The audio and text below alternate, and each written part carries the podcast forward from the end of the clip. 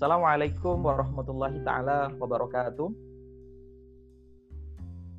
Uh, mari kita awali uh, diskusi atau apa uh, webinar di seri 05 ini dengan membaca Al-Fatihah bersama. A'udzubillahi minasyaitonirrajim. Bismillahirrahmanirrahim. Alhamdulillahirabbil alamin arrahmanir rahim maliki yaumiddin. Iyyaka na'budu wa iyyaka nasta'in. Ihdinas siratal mustaqim. Siratal ladzina an'amta 'alaihim ghairil maghdubi 'alaihim waladdallin. Baik, uh, para peserta webinar lovers yang budiman telah hadir di studio webinar di series Prodi Manajemen Keuangan Syariah. Beliau Bapak Abdullah Asis Sangkala merupakan wakil DPRD Provinsi Maluku yang insya Allah hari ini akan uh, berbagi pengetahuan dan pengalaman kepada kita semua uh, dalam menghadapi uh, pandemi COVID-19 uh, yang kita tahu bahwa mungkin saya pribadi atau mungkin sebagian dari para sebagian besar dari para partisipan uh, tidak mendapatkan informasi uh, yang update atau akurat ya mengenai bagaimana sih sebenarnya uh, kondisi saudara-saudara kita yang berada di wilayah timur Indonesia khususnya di Maluku. Nah, um, hari ini acara ini memang sengaja didesain ya untuk uh, mengupgrade kapasitas informasi kita untuk bisa bersama-sama uh, mengetahui uh, bagaimana kondisi eh, saudara-saudara kita di wilayah bagian timur Indonesia. Dan um, kami juga perlu berterima kasih kepada seluruh pihak yang membantu untuk uh, selalu support ya mendukung acara ini baik uh, pimpinan baik di tingkat fakultas maupun di tingkat prodi serta kolega-kolega dan sivitas akademika di Fakultas Ekonomi dan Bisnis Islam UIN Sunan Kalijaga serta uh, special thanks juga uh, saya berikan kepada Bapak uh, Abdul Koyum yang sudah memediasi ya yang sudah menjembatani yang sudah uh, menginisiasi untuk uh, kita semuanya mengetahui bagaimana sih sebenarnya update kondisi terkini di wilayah bagian timur Indonesia. Karena mungkin selama ini di beberapa media sosial atau mungkin di televisi ya mungkin kita terlalu fokus ya untuk uh, melihat daerah daerah-daerah kita sendiri gitu ya. Uh, uh, butuh informasi atau upgrade informasi juga bagaimana kita bisa mengetahui uh, kondisi yang sebenarnya yang terjadi di wilayah bagian timur Indonesia. Dan uh, sedikit saya antarkan bahwa um, saya yakin ini setiap uh, apa setiap uh, daerah punya kebijakan ya yang berusaha untuk melindungi warganya. Uh, terutama untuk memberikan oksigen ya. Saya menyebutnya memberikan oksigen untuk menyambung hidup hari demi hari. Karena memang uh, ya dampak dari COVID ini tidak hanya uh, mengguncang stabilitas uh, kesehatan, tapi juga ini menyebabkan krisis di berbagai sektor ya. Mungkin sudah kita bahas baik itu sektor ekonomi, kemudian sosial, budaya dan uh, pada kesempatan kali ini mari kita sama-sama uh, belajar ya mendengarkan uh, bagaimana pemerintah di uh, provinsi Maluku khususnya bisa tetap survive berjuang menghadapi pandemi COVID-19 yang telah uh, melanda ibu kita Indonesia. Baik, uh, selanjutnya saya akan beri waktu kurang lebih sekitar uh, 30 sampai 40 menit uh, Pak Aziz untuk Pak Aziz bisa menyampaikan uh, materi terkait dengan uh, tema kita pada pagi hari ini. Kepada Pak Aziz dipersilahkan. Ya, berapa menit Mas Izra? Mas Izra. Ya, baik-baik Pak. Siap. Berapa menit ya? 30 sampai 40 menit, Pak. 30 sampai 40 menit. Ya, insya Allah kita percepat sedikit ya. Baik, Pak. Ya, Bismillahirrahmanirrahim. Assalamualaikum warahmatullahi wabarakatuh. Waalaikumsalam warahmatullahi wabarakatuh.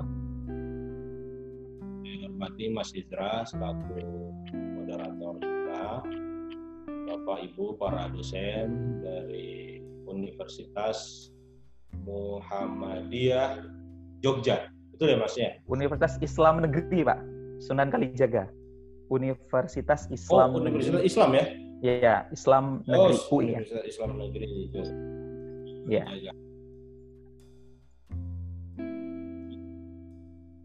Ya, UIN ya Universitas di Yogyakarta yang saya hormati para dosen, para mahasiswa dan uh, Bapak Ibu yang ikut dalam uh, kuliah online di kesempatan uh, pagi atau menjelang siang ya kalau di Ambon sudah siang nih Mas, udah oh. jam 12 ini.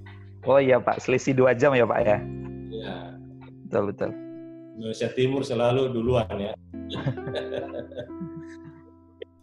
uh, Bapak Ibu dan teman-teman mahasiswa yang saya hormati, yang pertama mungkin saya bersyukur dan berterima kasih apresiasi saya untuk UIN Yogyakarta yang sudah uh, membuka ruang untuk mendengarkan secara langsung kondisi saudara-saudara kita dari wilayah timur Indonesia baik kondisi bagaimana mereka menghadapi pandemi COVID-19 maupun dampak yang ditimbulkannya terutama untuk uh, sosial ekonomi masyarakat. Saya atas nama pimpinan dewan dan seluruh masyarakat Maluku sekali lagi uh, menyampaikan apresiasi dan terima kasih kami untuk hal itu. Yang kedua, eh, saya diminta lewat Pak Koyum ya, itu ya Koyum. Isra ya? Iya Pak Koyum, Abdul Koyum. Koyum, hmm.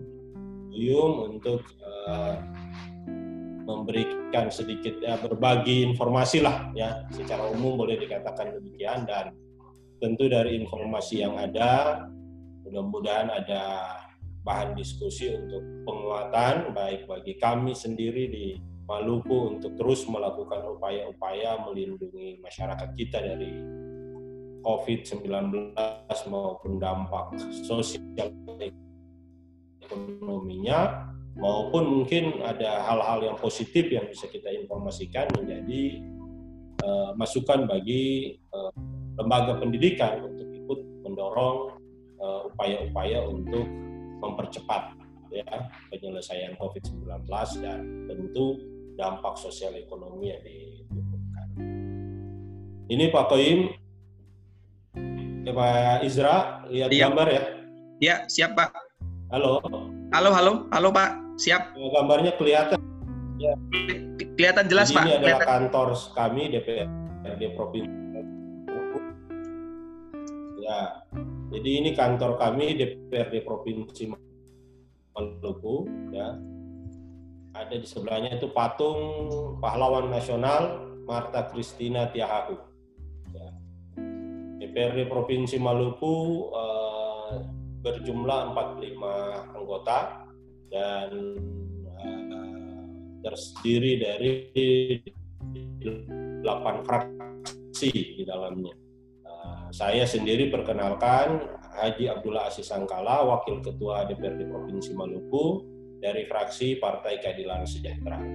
Ketua dari fraksi PDI Perjuangan dan ada dua wakil lainnya dari fraksi Golkar dan fraksi Gerindra. Uh, saya langsung aja ya ke paparan kami ya Pak Izra. Baik, baik Pak, siap. Nah, Oke. Okay. Yang pertama saya ingin memberikan gambaran up to date ya terakhir tertanggal ini 17 April ya. Harusnya bisa dari tanggal dua hari sebelumnya tapi mungkin ini teman-teman menyiapkan materinya keduluan.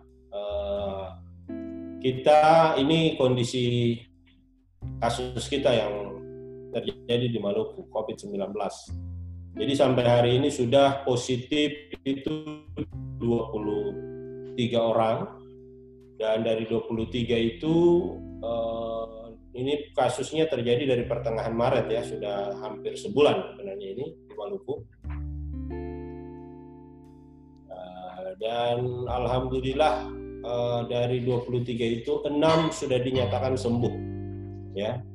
enam sudah dinyatakan sembuh walaupun jujur aja Pak Izra dan teman-teman di Jogja kami selalu sewaktu rakyat juga khawatir karena meragukan kemampuan apa penanganan ya fasilitas lah terutama di rumah sakit rumah sakit kita. Tapi ya mungkin atas izin dan bantuan dari Allah juga eh, para pasien kita ini bisa sembuh. Bahkan ada salah satu pasien itu umurnya 74 tahun loh Pak Izra.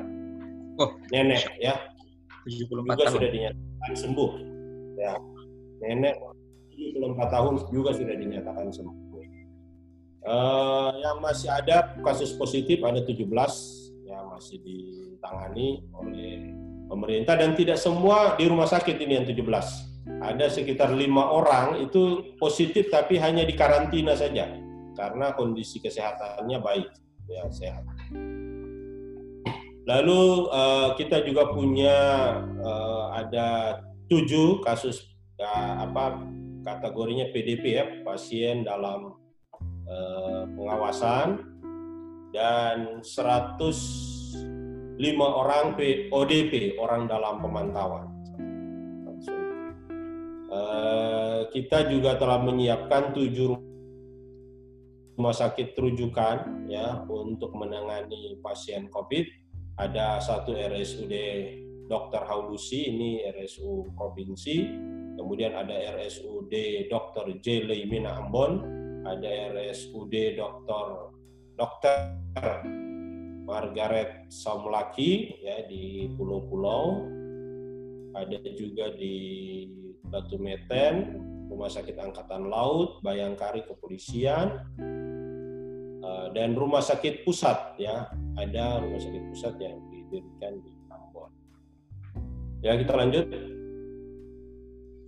Nah ini saya tampilkan sedikit kota Ambon karena pusat pandemi ini di kota Ambon ya.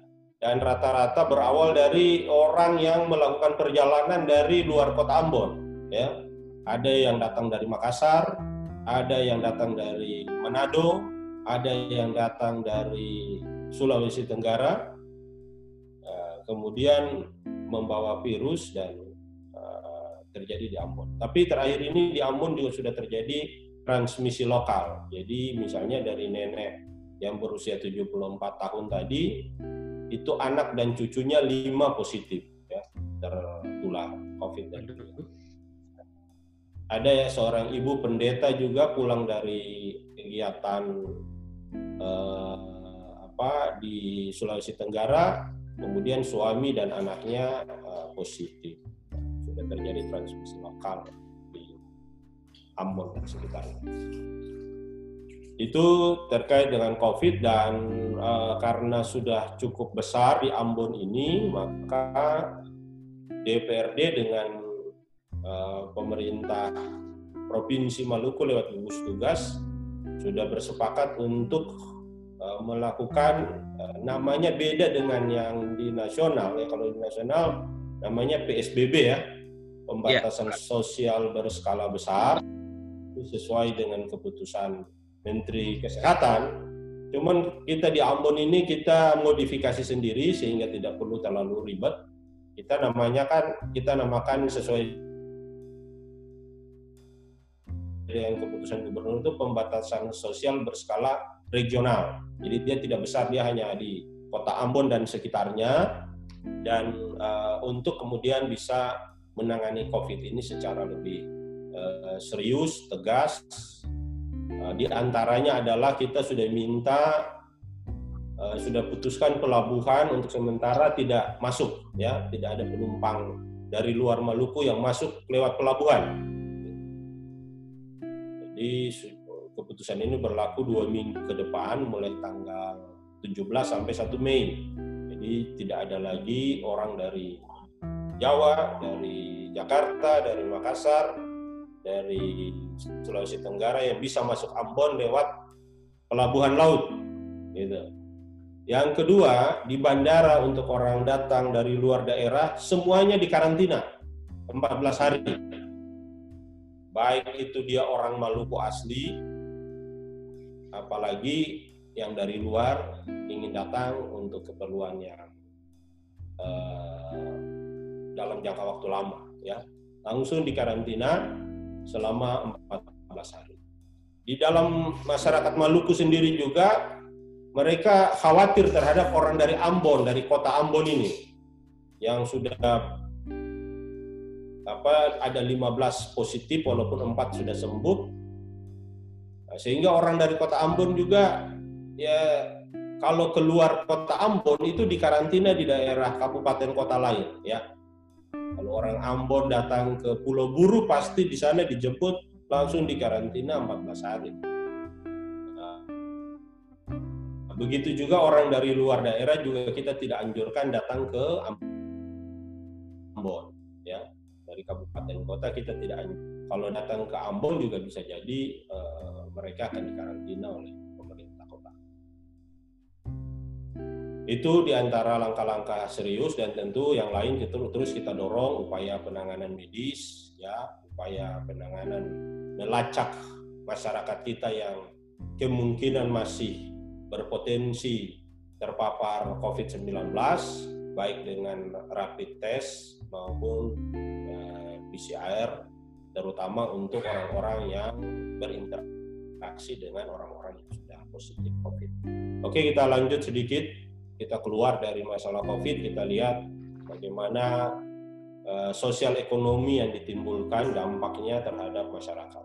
Sebelumnya saya gambarkan sedikit, Mas Izra, tentang gambaran umum Provinsi Maluku. Ya mungkin bapak-bapak atau adik-adik mahasiswa sudah melihat juga di, di media sosial atau di internet. Cuman mungkin ada juga yang belum atau tidak sempat ya karena mungkin belum menjadi hal yang penting untuk dilihat. Nah, saya gambarkan sedikit ini provinsi Maluku.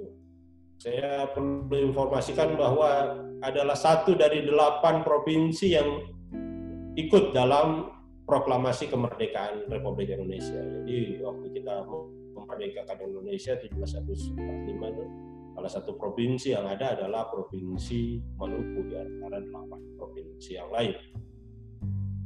Uh, kita terletak wilayah timur terdiri dari pulau-pulau yang sangat banyak ya. Seribu pulau ya dikatakan kita. Nah, luas wilayah kita mencakup darat dan laut. Nah ini kadang-kadang pemerintah ini kalau tanya luas wilayah Maluku lautnya disembunyikan ya. Tidak pernah dimunculkan jadi kalau kita lihat di internet sekalipun, luas wilayah Maluku ya sekitar laut ini, ya eh, sekitar pulau ini yang hanya 7,6 persen, kurang lebih 54 ribu 185 km persegi. Ya.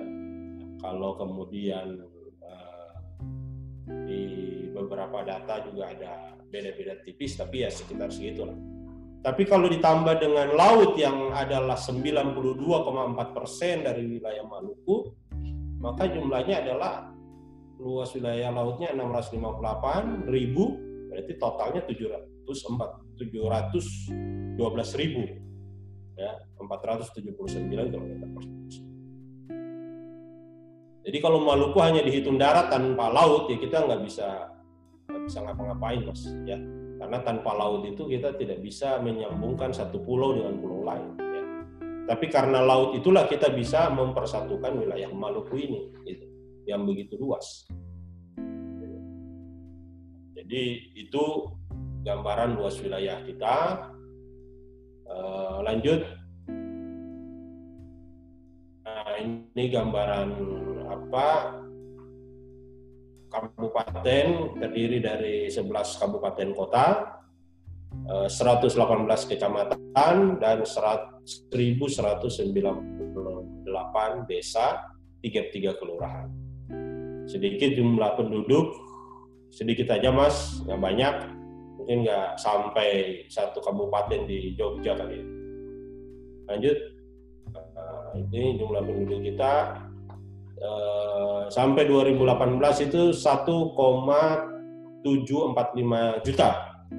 2018 2019 sudah 1,8 juta ya.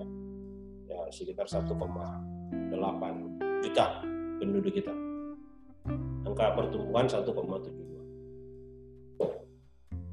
Oke, kita akan lihat sedikit tentang kondisi uh, sosial ekonomi masyarakat Maluku. Gambaran umumnya saja kita percepat. Yang pertama pertumbuhan ekonomi, ya Maluku lima tahun kemarin pertumbuhan ekonominya cukup baik di kisaran 5 sampai 6 persen, ya dan kadang-kadang agak sedikit di atas angka pertumbuhan nasional. Namun dengan adanya COVID ini memang ya diperkirakan hanya akan tumbuh di angka 2 persen, ya. paling tinggi tiga. Itu pertumbuhan ekonomi kita, tabelnya ada nanti bisa dilihat. Ini dari 2014 sampai 2018 ya data BPS yang dikeluarkan itu kita 2018 kemarin itu mencapai 5,94 ya. Lanjut. PDRB uh, eh, bisa dilihat. Saya cepat-cepat aja yang sisanya lanjut. Uh, ini ekonomi lah. Intinya kita yang paling banyak ini menyumbang untuk produk domestik kita dari pertanian, kelautan dan kehutanan ya. Jadi masih banyak masyarakat kita yang memang penghasilannya adalah dari petani, nelayan uh, dan menyumbang besar untuk uh, PDRB kita. Lanjut. Inflasi ya tinggi juga ya, ada sampai tiga setengah, 3,5 bahkan ya ada yang sampai mendekati 4 persen. Mungkin kita di sini besar pasak dan diam ya apa konsumsinya besar ya. Jadi kadang-kadang bikin inflasi. Mau puasa, kalau orang Maluku mau puasa, dia sudah nyetok sebulan ya.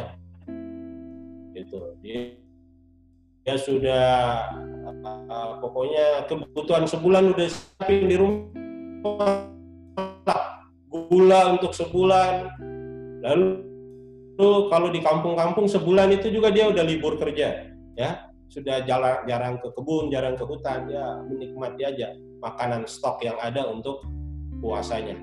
Jadi lebih banyak ibadahnya. Itu mungkin yang bikin inflasinya jadi tinggi kadang-kadang uh, dalam situasi. Lebaran juga ya, Lebaran juga luar biasa. Pendapatan per kapita terakhir 2018 24 juta ya per tahun. Jadi ya 22 jutaan ya, ya 22 juta. Ya kalau untuk di Jogja 2 juta hidup mas, ya. Kalau untuk hidup. di Jogja 2, hidup setahun. Untuk di Maluku ya tengah bulan ya. Jadi kita separuh-separuh lah ya. Dua juta setahun kita di Maluku. Makanya orang Maluku bisa menyekolahkan anaknya di Jogja itu enak aja ya. Atau di Jawa. Apa kita kasih kuliah dia di sana kita punya 2 juta kita kirim 500 ribu bisa juga dia hidup sebulan ya. Gitu. Tapi kalau orang Jogja kuliahin anaknya di Maluku, aduh bisa bahaya.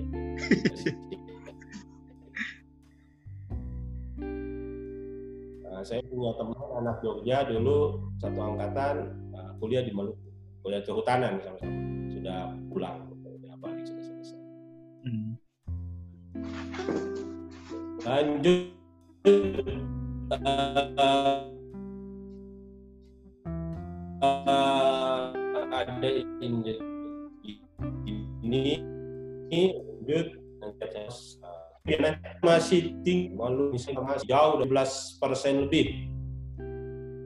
Ya, 17% lebih. Dan dengan adanya COVID ini eh, angka penduduk miskin dan hampir miskin diperkirakan di Maluku akan mendekati 4 jadi 40 persen dari 1,8 juta penduduk kita ya hampir akhir Maret ya, sudah di angka 18,2 lanjut berikut. Nah, ini bahkan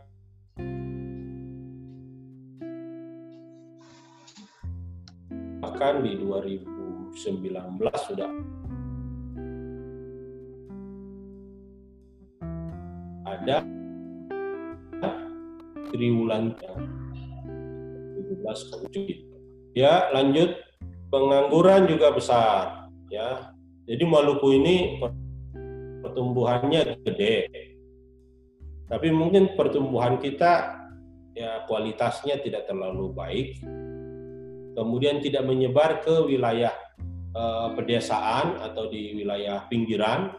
Pertumbuhannya karena terpusat di perkotaan ditunjukkan dengan misalnya PDRB-nya juga ya, konstruksinya tinggi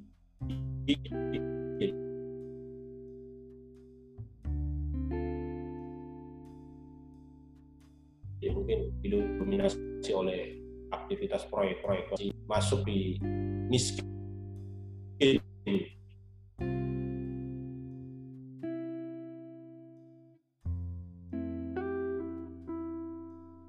Aktivitas proyek-proyek pemerintah. Penyerap atau wisata lagi masih tetap tinggi kemudian juga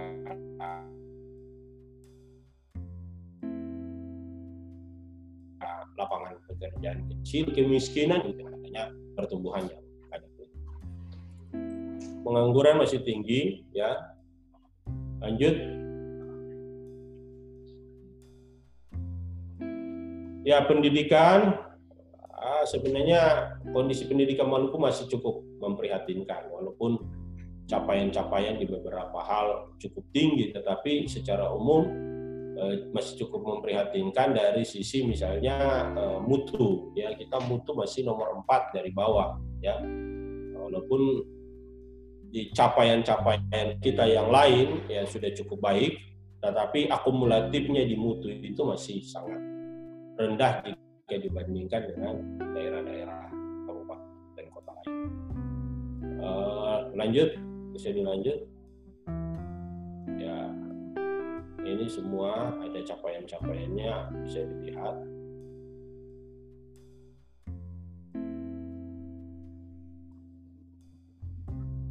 Ya yang terakhir kesehatan ya. Kesehatan.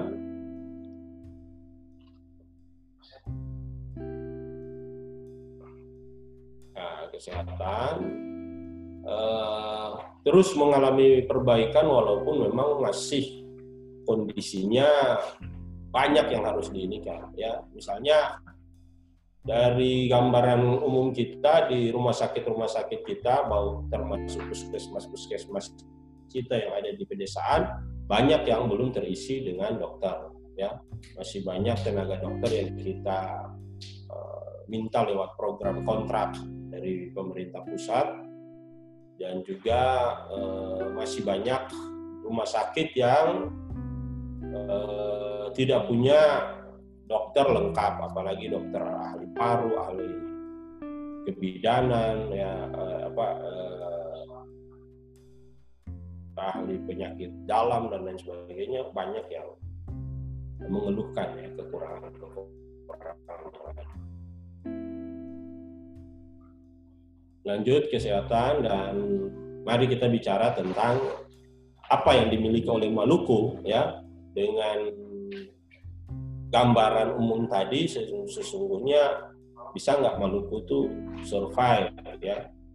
Eh, kita lihat apa potensinya yang dimiliki terutama sumber daya alam. Yang pertama perikanan. Ya jadi perikanan ini luar biasa ya. Maluku ini merupakan satu per tiga atau sepertiga dari lumbung ikan nasional ya Jadi semuanya ada di Maluku. Ya, sepertiga dari potensi perikanan kita itu ada di Maluku. Eh, dikatakan dari surat keputusan Menteri Kelautan nomor 50 ya, ya balik sebelumnya lihat itu eh, ada di Indonesia ada tiga wilayah pengelolaan perikanan ya dan total potensi sumber daya ikan provinsi Maluku adalah sebesar 4,6 juta ton per tahun atau 37,2 persen dari total potensi perikanan nasional. Luar biasa. Dengan jumlah tangkap yang diperbolehkan karena nggak boleh ditangkap semua kata ini ya, kata Pak Menteri itu 3,75 juta ton per tahun. Namun hingga tahun 2018 produksi kita itu baru 13,24 persen atau 618 ribu ton dari total yang dimiliki. Gitu. Jadi masih sangat jauh ya. Kemampuan kita dalam menangkap ikan-ikan kita. Lanjut. Ya, kita juga selain itu ada uh, apa, apa? Ya ini Maluku dan ini nasional ya. Lanjut. Ya selain produksi uh, perikanan tangkap kita juga ada budidaya dan ya produksi mereka juga cukup besar. Uh, tahun 2017 817 ribu ton. Ya terutama budidaya udang yang ada di Maluku dan uh, budidaya lainnya. Lanjut. Perkebunan andalan Maluku kelapa cengkeh pala. Ini produksi namun ya menjadi satu perbincangan nasional beberapa waktu lalu eh, kepala Bulog ya dalam rilis medianya mengatakan bahwa eh, imbas dari corona Bulog siapkan sagu antisipasi kesulitan beras impor. Luar biasa ya. Di mana ya produksi sagu kita masih cukup besar ya. ya data yang sementara saya miliki itu uh, 2017 uh, produksi sagu kita itu 5.970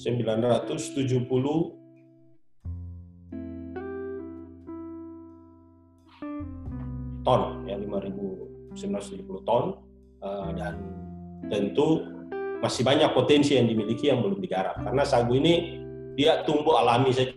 Ya dia tidak dibudidayakan di Maluku. Dia tumbuh alami di wilayah rawa-rawa di dekat kali sungai eh, dan kemudian juga dimanfaatkan oleh masyarakat secara tradisional. Kebanyakan sagu ini pangannya digunakan untuk produksi sagu sendiri dalam bentuk lempengan ya yang bisa dimakan untuk keperluan sehari-hari atau dalam keadaan santai pagi atau sore hari sambil ditemani secangkir kopi atau untuk membuat malas makanan masyarakat Maluku atau Indonesia Timur kita bilang papeda. Itu untuk uh, sagu. Dan masih sangat luas ya. Kawasan sagu ini di Maluku yang belum diolah dan memang apa yang dibilang oleh Pak Budi itu betul bahwa kalau ini dioptimalkan betul bisa menjadi cadangan pangan kita baik untuk masyarakat uh, Maluku dan sekitarnya ataupun untuk kebutuhan masyarakat nasional. Ya sehingga kalau Maluku Sulawesi NTT uh, Papua dan lain sebagainya bisa memanfaatkan ini dengan baik bisa jadi ya gambaran beliau bahwa diperkirakan itu apa? Cadangan beras kita akan menurun ya. Diperkirakan produksi gabah turun hingga 50 persen.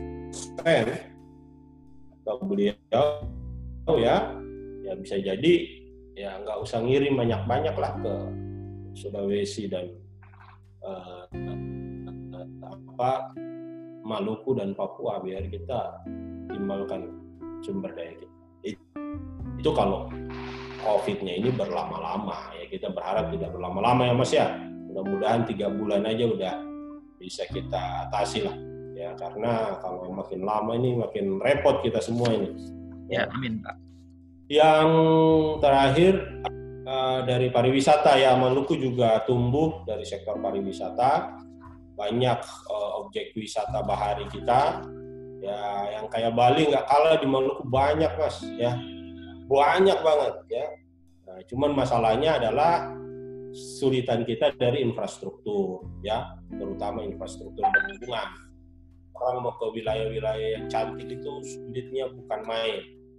Ya penerbangan terbatas jalur laut terbatas dan lain sebagainya dan lain sebagainya terakhir apalagi mas ah, ini kondisi ekonomi masyarakat Maluku pada pandemi COVID kalau ini kita cerita aja, nggak usah ini. Yang jelas pertama bahwa uh, dengan kondisi yang ada pemerintah harus menyiapkan uh, upaya serius untuk mengatasi kondisi ekonomi yang dihadapi oleh masyarakat Maluku. Walaupun secara sosial kultural sesungguhnya masyarakat Maluku itu punya ketahanan yang tinggi menghadapi krisis termasuk juga krisis ekonomi sekalipun. Orang Maluku itu punya semboyan ya potong di kuku rasa di daging. Ya mas ya? Ya, ya. potong di kuku rasa di daging. Itu jarang-jarang loh mas motong kuku yang sakit di daging nggak mungkin ya? Nggak mungkin. Ya mungkin tapi kalau orang Maluku kukunya dipotong dagingnya berasa sakit ya luar biasa kan hmm. gitu toleransinya daging sama kuku kan gitu. kemudian sagu salempeng patah dua. Ya, sagu tadi yang kita bilang kan. Ya. Dia punya sagu cuman satu balok ya. Selempeng itu kayak HP lah ya. Sagu ini dibikin kayak HP gini ya. Dia punya sagu satu dia patah dua ya. Dia kasih satu saudaranya. Dia bilang ale rasa beta rasa. Harusnya beta rasa dulu baru ale rasa, tapi dia enggak. Ale rasa dulu baru beta rasa. Kan? Dia dulu kan dia punya saudara dulu, baru dia dirinya makan ada rasa terasa kayak gitu. jadi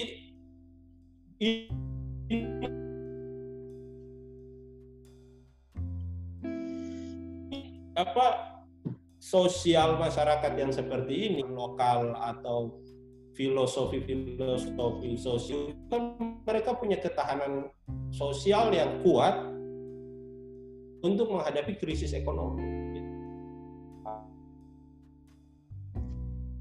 apalagi tadi yang Pak Budi sampaikan kita punya sagu kalau memang krisis ini akan terjadi di Indonesia. Yang kedua kita punya laut, ya. Kalau laut itu nggak takut corona, ya. Orang nggak mungkin tidak apa tidak berkerumun kalau di laut, ya. Mereka pasti akan uh, apa terjadi physical distancing di laut, ya. Masing-masing mancing sendiri-sendiri kan. Mancing kan nggak harus berkerumun, ya jadi laut begitu luas, potensi ikan masih. Sagu sudah ya kita aman sudah kita untuk menghadapi kebutuhan pokok ya ditambah lagi dengan uh, petani yang juga masih masih ada. Tetapi tentu pemerintah tidak akan membiarkan masyarakat sendiri ya ngurusin dirinya untuk menghadapi krisis ya pemerintah siapkan formula dari nasional sudah ada, kita provinsi juga sudah ada, ya. Kita juga sudah siap, walaupun ya menyiapkan ini juga ya dengan sedikit ya tekanan juga dari pemerintah pusat, mas, ya. Kita ditekan lewat SKB Menteri Keuangan dan Menteri Dalam Negeri untuk memotong 50% anggaran kita, ya luar biasa, ya 50% anggaran kita potong, ya tentu kita akan gunakan sebagian untuk COVID, sebagian untuk jaring pengaman sosial ya untuk proyek-proyek padat karya dan lain sebagainya akan kita siapkan. Di samping itu juga desa yang 1100 lebih tadi itu juga di dalam instruksi Menteri Desa juga sudah mewajibkan itu. Jadi desa kurang lebih 30% untuk dana eh, apa yang dibagi-bagi ke masyarakat ini BLT ya. Ya. BLT. Jadi 30%. Kita juga APBD provinsi kabupaten kota akan kasih BLT juga ke masyarakat. Kita dalam itunya kan 600 ribu per bulan selama tiga bulan akan dikasih BLT. Ya, lalu ada juga proyek padat karya disiapkan di desa ya untuk ya, masyarakat yang mungkin tidak berpenghasilan karena COVID. Ya, kemudian juga ada uh, untuk ekonomi, dampak ekonomi yang ditimbulkan yang akan kita pikirkan untuk uh, mereka bisa uh, survive gitu. Uh, itu yang akan kita lakukan tentu men, bersama dengan masyarakat ya kita bahu membahu agar yang pertama dan utama kita perangi dulu COVID ini biar cepat selesai ya dengan yang tadi sudah kita lakukan adalah pembatasan sosial berskala regional bersama pemerintah daerah, eh, kepolisian, TNI, pemerintah kita sampai di tingkat kepala desa, RT, RW semua bekerja keras supaya memang bisa melokalisir pergerakan masyarakat agar kesehatan kita bekerja cepat menyelesaikan corona dan juga perlahan-lahan kita mulai memberikan stimulan-stimulan anggaran-anggaran kegiatan-kegiatan kepada masyarakat baik itu padat karya maupun BLT agar mereka bisa menjaga ekonomi kita tidak terlalu terpuruk terutama untuk ekonomi keluarga gitu. Itu mungkin uh, sedikit cerita-cerita dari kita Maluku untuk bapak-bapak yang ada mahasiswa yang ada di Jogja uh, tentang bagaimana kita uh, menghadapi uh, COVID-19 ini. Terima kasih, Mas. Saya kembalikan kepada Mas Zra. Baik, terima kasih Pak Aziz. Sangat informatif dan banyak sekali hal-hal yang tentu saja secara pribadi ini baru saya ketahui karena mungkin uh, jarang diekspos di uh, media sosial terkait dengan betapa kayanya ya Indonesia atau betapa kayanya Maluku ya seperti itu. Bahkan tadi Pak Aziz sampai me menyatakan bahwa seandainya pun terjadi krisis ya uh, ternyata masyarakat di Maluku sangat kuat ya untuk menghadapi itu. Uh, di luar biasa ini uh, informasi yang sangat uh, update seperti itu. Dan uh, selanjutnya ini ada pertanyaan dari Pak Koyum ya saya persilakan live supaya bisa lebih interaktif dengan uh, Bapak Asis kepada Pak Koyum dipersilakan. Pak Koyum. Pak Koyum. Ya, halo, halo. Ya, ya, ya Mas Aziz. Oke, Pak Aziz. Assalamualaikum warahmatullahi wabarakatuh. Ya, terima kasih Pak Aziz. Uh, jadi saya uh, mungkin sebenarnya sudah saya tulis, sudah saya tulis ada tiga pertanyaan di situ Pak. Jadi satu adalah terkait dengan kesiapan fasilitas kesehatan yang ada di Provinsi Maluku. Tadi sudah dipaparkan ada beberapa rumah sakit rujukan yang rumah sakit rujukan yang disiapkan, tapi uh, saya saya banyak paham tentang uh, struktur geografis dari Maluku yang banyak sekali terpisah oleh lautan lah itu apakah uh, beberapa rumah sakit yang disiapkan tadi itu sudah uh, apa maksud saya sudah mampu uh, diakses dengan cepat oleh masyarakat atau belum. Nah, jika belum kira-kira langkahnya seperti apa, Pak gitu. Kemudian yang kedua uh, terkait dengan uh, tadi ada pembatasan regional tadi ya, Pak ya. Nah, uh, saya amati kalau kalau kalau saya amati uh, itu kan ada apa ya daerah-daerah di Maluku itu ketergantungan terhadap Ambon ini kan cukup kuat sekali. Nah, kira-kira kalau ada pembatasan regional, eh, pembatasan gerak itu kira-kira langkahnya seperti apa Pak untuk mencukupi kebutuhan logistik masyarakat di sana? Seperti di tempat uh, uh, apa ini mertua saya, mertua saya itu bapak maitua saya entah. Nah, itu kebutuhannya ya sangat bergantung kepada suplai dari Ambon. Nah, itu kira-kira seperti apa? Okay. Kemudian terakhir ada ada saya amati di percakapan di media sosial atau di Facebook eh, tetangga-tetangga yang ada di uh, daerah Sonta, terutama saya amati masyarakat Morokai itu mereka nganu Pak uh, apa ya istilahnya mereka ini ada ketakutan yang luar biasa kalau terjadi penularan karena uh, akses terhadap oh, iya. kesehatan ini kan jauh. Jadi masyarakat sana kalau sakit itu biasanya kalau nggak larinya ke Bula, kalau nggak ke Bula ya ke Masoi atau ke Ambon. Nah itu kan jauh sekali. Uh, dari Morokai ke uh, Masoi itu kan 6 jam. Dari ya sampai ke Bula itu iya. berjam-jam. Nah itu kira-kira seperti apa? Uh, apakah apakah sudah ada antisipasi pemprov dalam rangka meningkatkan apa ya ke, apa, ketenangan yang ada di masyarakat sehingga tidak ada reaksi yang berlebihan di lingkungan sekitar Pak. Saya kira itu tiga pertanyaan dari saya Pak Asis. Terima kasih Pak Asis. Assalamualaikum warahmatullahi wabarakatuh. Waalaikumsalam. Terima kasih Pak Koyum. Mungkin ini Pak uh, langsung bisa ditanggapi. Uh, monggo Pak Asis mungkin bisa ya, langsung. Ya,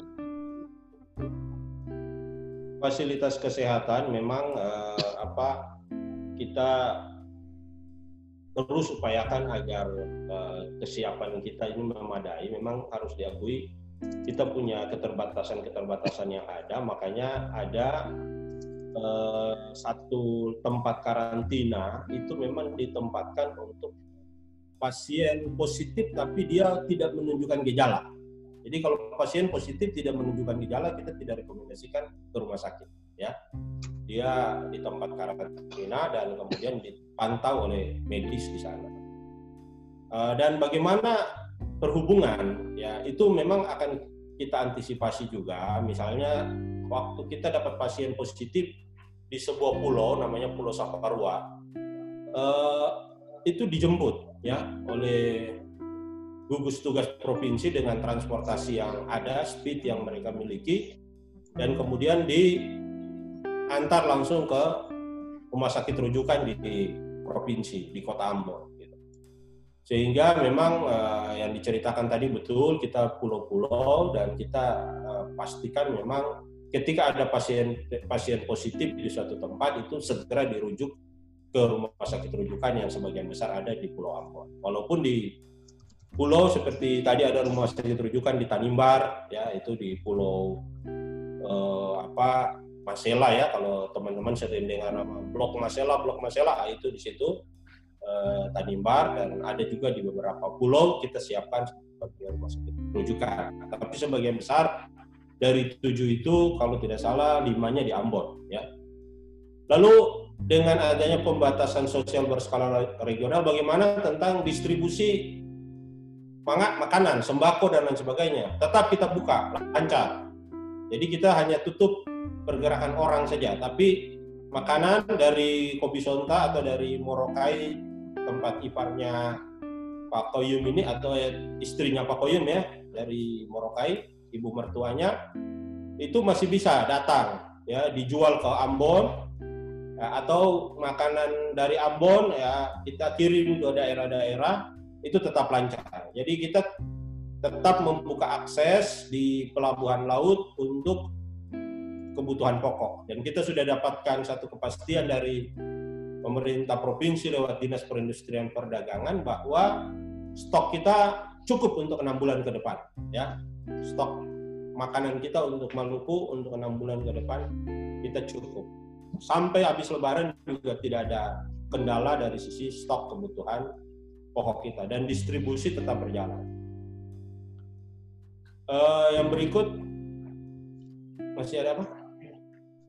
Baik, uh, terima kasih Pak. Ini selanjutnya saya persilakan ada pertanyaan dari Mas Abdul Adim. Silakan Mas Abdul Adim untuk bisa bertanya langsung kepada Bapak Abdul Aziz Sangkala. Silakan Oke, Mas Abdul. Oke, Assalamualaikum kepada Bapak Irsa selaku moderator dan terima kasih waktunya kepada Bapak Wakil Ketua DPRD uh, Maluku, uh, Bapak Abdullah Aziz Sangkala. Uh, di sini kami menanyakan masalah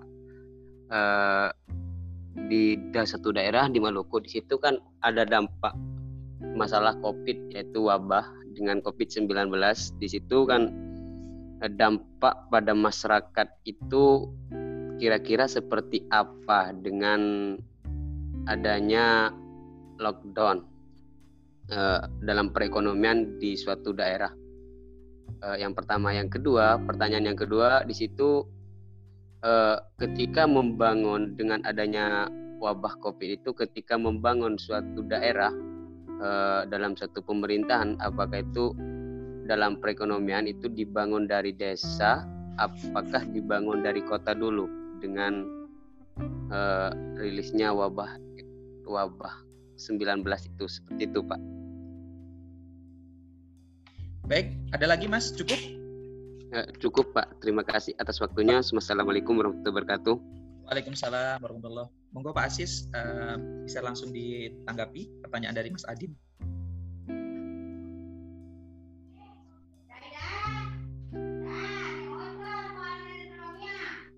Ya, uh, saya langsung ya Mas Isra ya.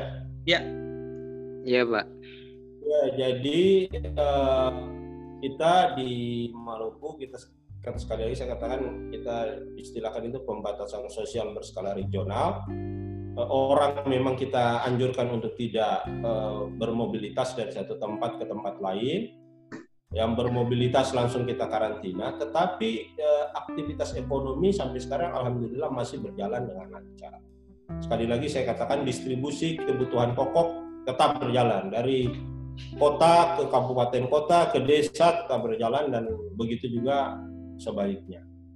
Eh, ketahanan kita dari sisi ekonomi juga masih kuat ya, eh, masih bisa stok kita ya. Bahkan kata mereka sampai enam bulan kita masih bisa, tapi ya tentu minimal sampai setelah Lebaran Idul Fitri kondisi eh, ketahanan ekonomi kita masih masih baik, arti kebutuhan sembako beras, gula, uh, gula yang yang sementara agak susah karena ya ini nasional ya masalah gula kan masalah nasional.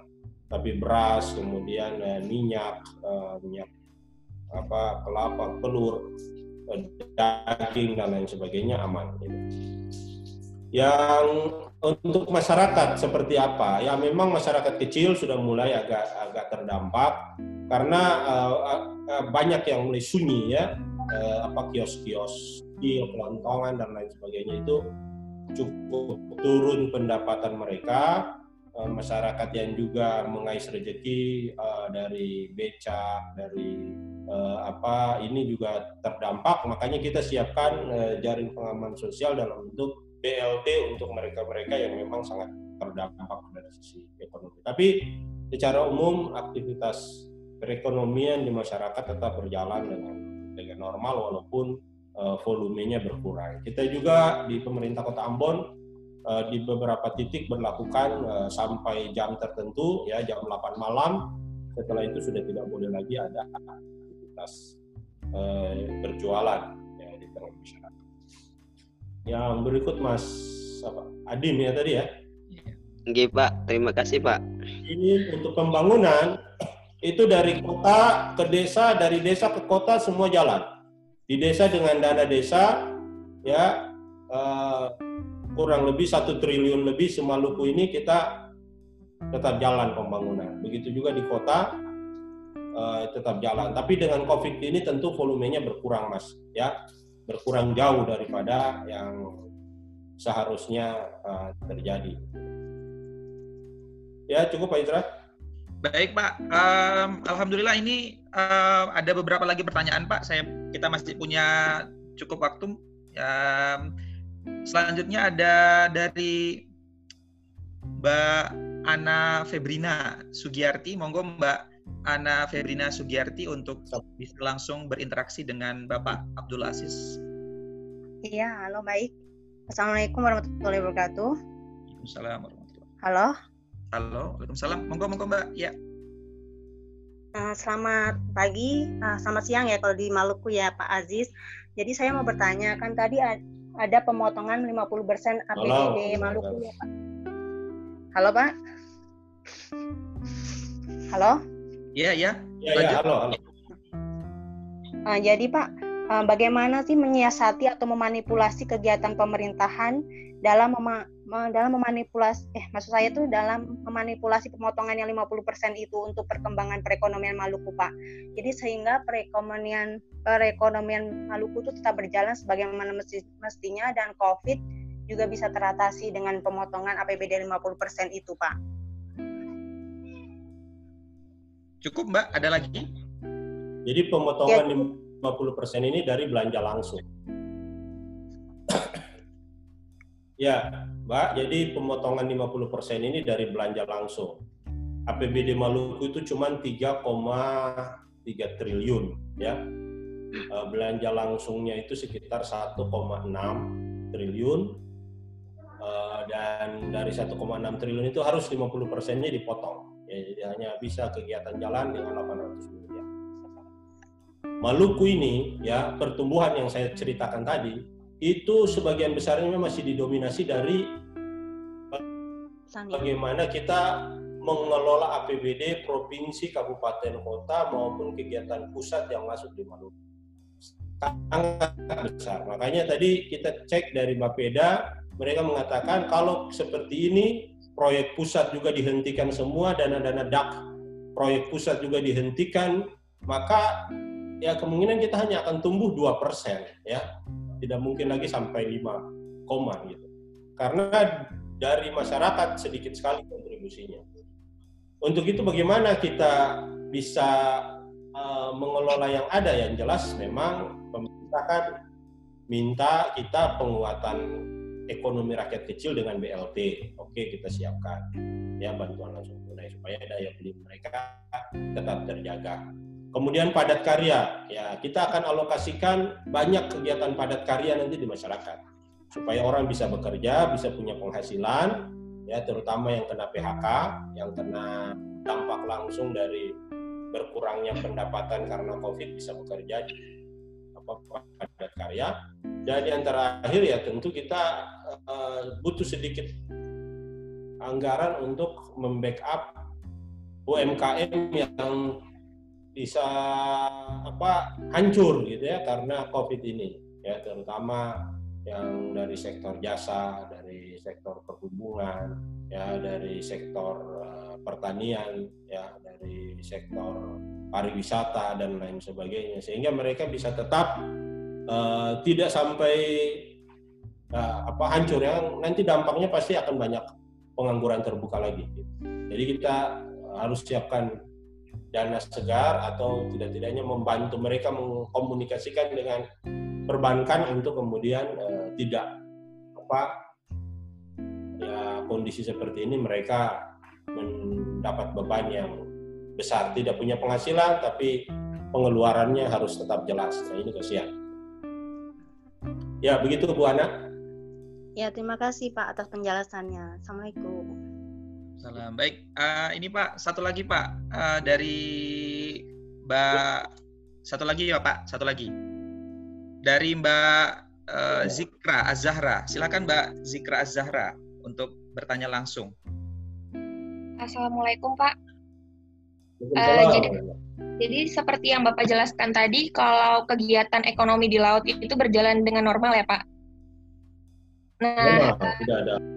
Ya gimana dengan kegiatan yang di pasar Pak? Kan sementara untuk uh, memasarkan kegiatan uh, hasil laut itu kan kita perlu ke pasar. Apakah ada pembatasan untuk ke pasar, Pak?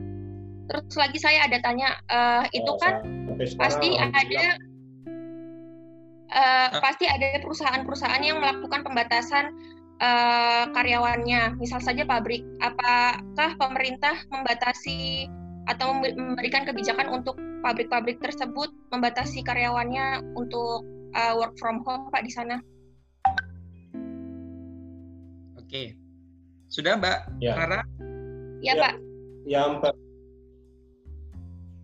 Ya, Mbak Zikra ya? Ya, Pak.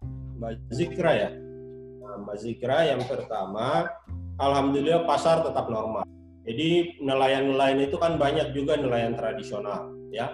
Nelayan tradisional yang hanya satu dua orang ke laut, ya pulang dari laut langsung bawa hasilnya ke pasar atau ada dalam kelompok kecil sampai 10-10 orang yang jaring uh, setelah di pasar tetap buka seperti biasa. Saya juga masih sering ngantar istri beli ikan, ikan ada ya. Nggak ada dibilang wah stok ikan berkurang, oh tidak. Kalau stok berkurang pasti mahal ya. Ya pasti wah ikan mahal. Tapi orang Maluku tidak bilang ikan mahal, ikan masih masih ada dan itu masih normal.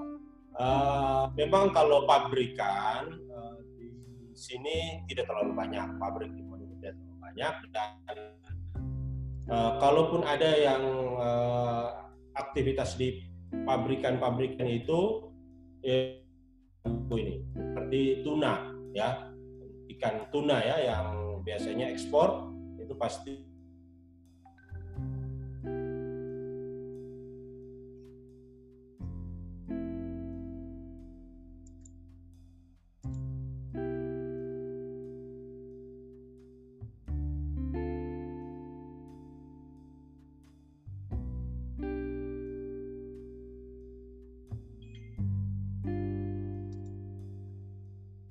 Halo, Pak Pak Asis.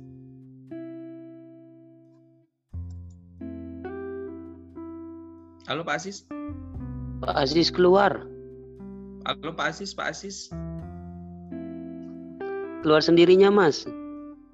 Oh iya ya, tapi sebentar. Udah masuk.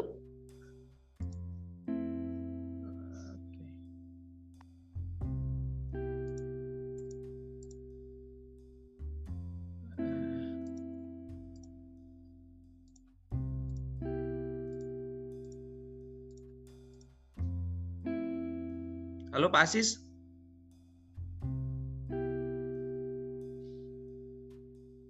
Kita nggak dengar suaranya Pak.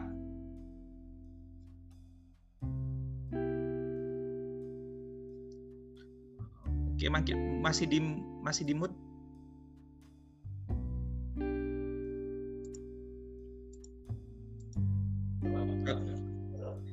Oke Pak, tadi. Halo. Oke Pak, baik. Yeah. Tadi Tadi tadi sempat terputus Pak. Mohon maaf tadi sempat terputus. Saya tidak tahu uh, mungkin mungkin apa koneksinya tidak stabil seperti itu Pak.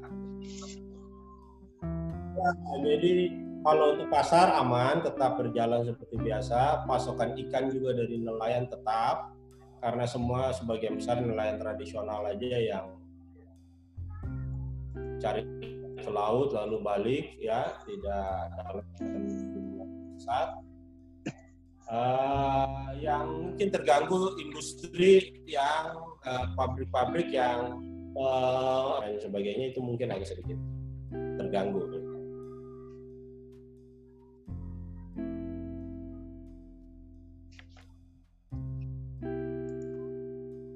Ya, Pak Ezra. Ya, oke Pak. Baik.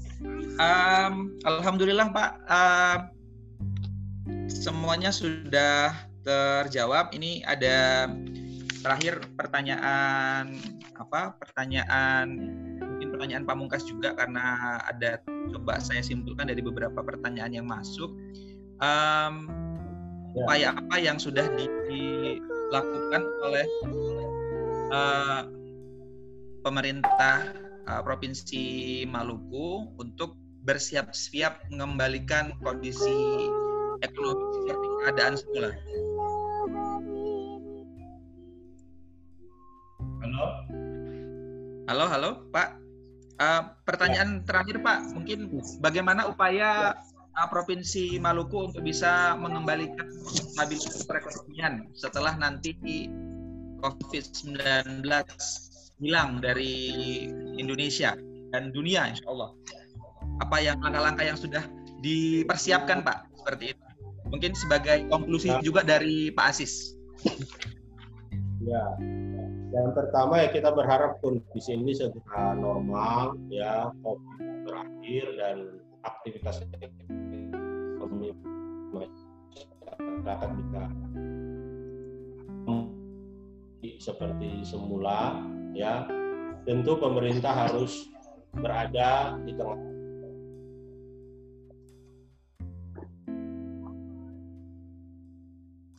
memang uh, eh, terpukul dari belinya dan sudah tidak memiliki kemampuan untuk uh, dari sisi keuangan untuk kebutuhan pokoknya ya kita akan bantu dengan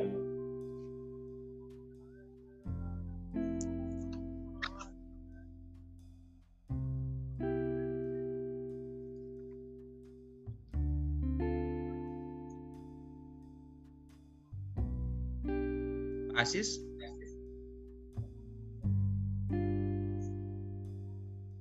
Iya. Dan kita itu dan tentu di situ kita butuh penguatan baik pengenalan mereka. Uh,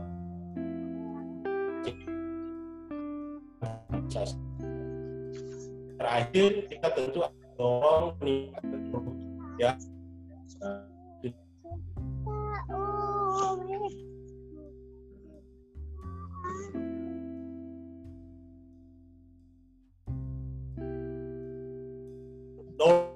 ini menjadi kekuatan kita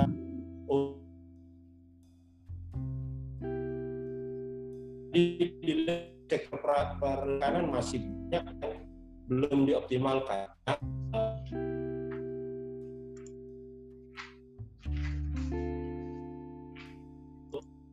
Jadi cadang uh, pangan kita dan ini kekuatan bagi juga untuk dari uh, pemulihan ERT.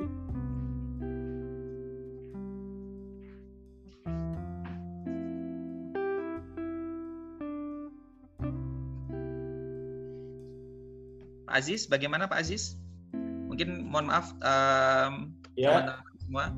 Um, terima kasih Pak. Uh, ada tambahan lagi sebelum kita closing ini?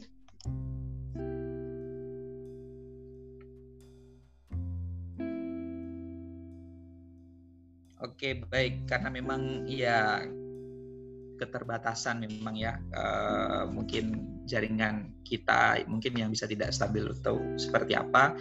Tapi uh, alhamdulillah paparan yang disampaikan oleh Pak Asis pada siang hari ini tentunya sangat mencerahkan ya eh, memberikan wawasan yang baru bagi kita semua bagaimana uh, masyarakat atau warga yang berada di wilayah bagian timur Indonesia yang mungkin menyimpan potensi kekayaan yang luar biasa um, mampu ya atau bisa bertahan ya dengan skema-skema uh, kebijakan pemerintah yang uh, sangat variatif tadi tentunya tidak bisa hanya mengandalkan uh, potensi sumber daya alam tapi memang uh, butuh suplemen tambahan yang memang uh, dapat uh, diberikan tepat sasaran seperti tadi yang disampaikan oleh Pak Aziz dengan adanya bantuan langsung tunai yang diberikan kepada orang-orang yang membutuhkan karena memang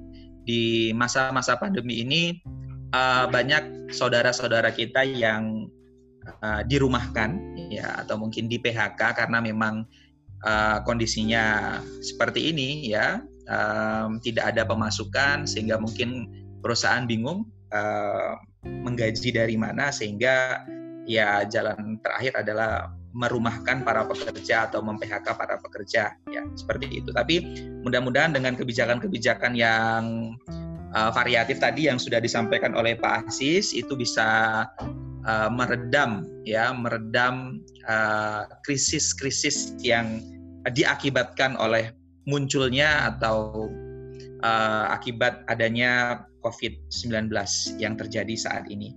Baik Pak Asis, uh, mudah-mudahan kita bisa bertemu di lain kesempatan Pak Asis di di acara yang berbeda tentunya dan mudah-mudahan panjang. Ya seperti itu sampai di sini uh, kita bisa mengadakan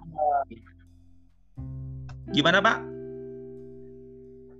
Ya mudah-mudahan kalau kondisi sudah reda kita bisa sempat silaturahmi ke Jogja. Sampaikan salam buat Pak Dekan. Baik baik Pak. Di situ Mas. Baik Pak. Siap. Baik. Terima kasih Pak uh, kepada teman-teman. Ini saya akhiri dengan pantun ya. Berakit-rakit kita ke hulu, berenang-renang kita ke tepian. Mari ulurkan tangan untuk saling membantu, jangan hanya diam dan rebahan. Seperti itu. Mudah-mudahan ini bisa bermanfaat bagi kita semua. Uh, jangan uh, lupa saksikan webinar The Seri seri 06 yang akan dilaksanakan pada hari Jumat. Ya, terima kasih. Uh, kita akhiri uh, webinar seri 05 pada siang hari ini dengan uh, membaca hamdalah. Alhamdulillah. Alhamdulillahirabbil alamin. Hai topik wal hidayah wa ridha wal inayah. Wassalamualaikum warahmatullahi wabarakatuh.